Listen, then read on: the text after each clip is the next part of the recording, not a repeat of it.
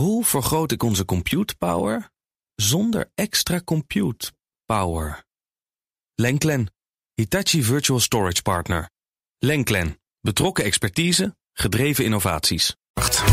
Tech Update. Ik heb ineens, voordat we naar het Jo van Buren gaan, een briljante oplossing. Weet je dat? dan? Als je die A12 wil vermijden. Ja. Thuiswerken. Oh, revolutionair. Je weet hoe dat werkt. Heel makkelijk. Je gaat gewoon lekker vandaag thuiswerken. Wat een prachtig excuus om te kunnen zeggen... de komende negen dagen kom ik niet naar Den Haag toe... want ik moet thuiswerken. Ik ga niet over de A12. Ja. maar we gaan toch als gekke Henkies weer met z'n allen in die auto zitten, Blijkbaar wel, ja. zitten duwen op de snelweg. Pas kunnen we jou minister van Transport maken? Nee. Jammer. Nee, oké. verdient veel te veel. Dat is waar. Niet zo lekker weinig, dat is prima.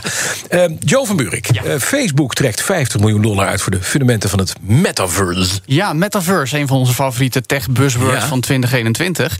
Facebook heeft daarbij een- trouwens vandaag een mooie definitie gegeven. Het zijn namelijk virtuele ruimten waarin je creëert en verkent met andere mensen. Het is een soort universe met een meta. Ja, precies. Ja, Eh, ik begrijp er nog steeds helemaal niks van. Nou, ik ga mijn best Ik ben doen. niet helemaal woke. Daar komen we dan. Facebook heeft al meermaals benadrukt dat het metaverse nu de stip aan de horizon is. Ze noemen het ook het next computing platform. We hadden eerst het internet, toen hadden we mobiele platforms en nu komt dit dus. Daarom een investering van 50 miljoen dollar om in de komende twee jaar meer inzicht te krijgen in wat het allemaal gaat doen. Officieel heet het het XR Programs and Research Fund.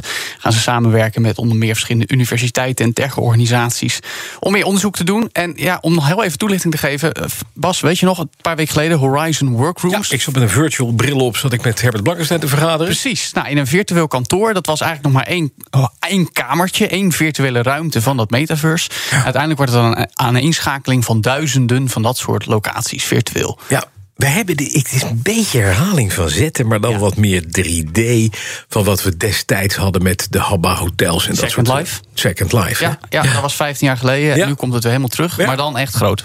Maar dan precies, en dan iets beter. En eh, Ja. dan ziet Herbert Blankenstein er ineens uit als een poppetje zonder benen, maar verder prima. Precies. TikTok heeft nu meer dan een miljard gebruikers per maand. Precies, dat heeft het moederbedrijf ByteDance gemeld.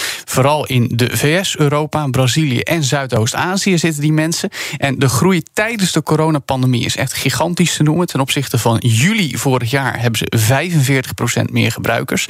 TikTok werd in 2017 gelanceerd en in januari 2018 hadden ze nog maar 55 miljoen gebruikers per maand.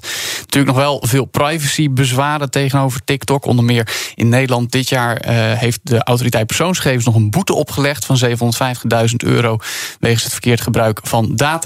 En tegelijkertijd is een grappige anekdote van de CEO van Microsoft, Satya Nadella.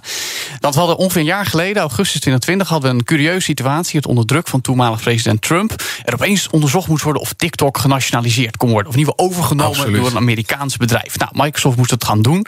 En Nadella zei eh, afgelopen nacht: dat is het vreemdste wat ik ooit in mijn werk heb meegemaakt. Dat ik opeens van president Trump dat even moest gaan onderzoeken.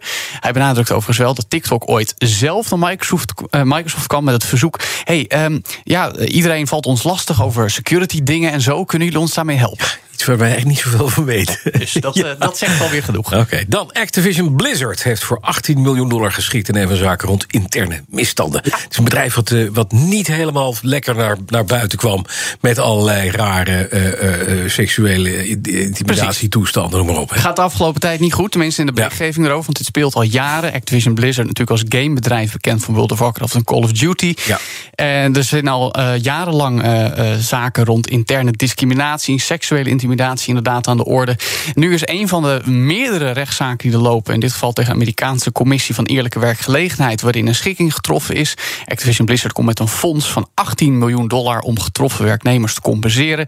En natuurlijk zeggen ze heel braaf: we zullen het niet meer doen. We zullen in de toekomst beter op gaan letten, trainingsprogramma's instellen, melding mogelijk maken. Maar we zeiden het al, het is nog maar één van de vele zaken. Ze hebben er ook nog een tegen de waakhond van Californië, tegen de eigen investeerders notabene. En sinds kort is de SEC in Amerika ook bezig. Dus de gifbeker is nog lang niet leeg. En SEC, terecht. Security Exchange Commission, dat is de beurswaakhond. Dankjewel. Joe van Buurik. De BNR Tech Update wordt mede mogelijk gemaakt door Lenklen. Lenklen, betrokken expertise, gedreven. Hoe vergroot ik onze compute power zonder extra compute power? Lenklen, Hitachi Virtual Storage Partner. Lenklen, betrokken expertise, gedreven innovaties.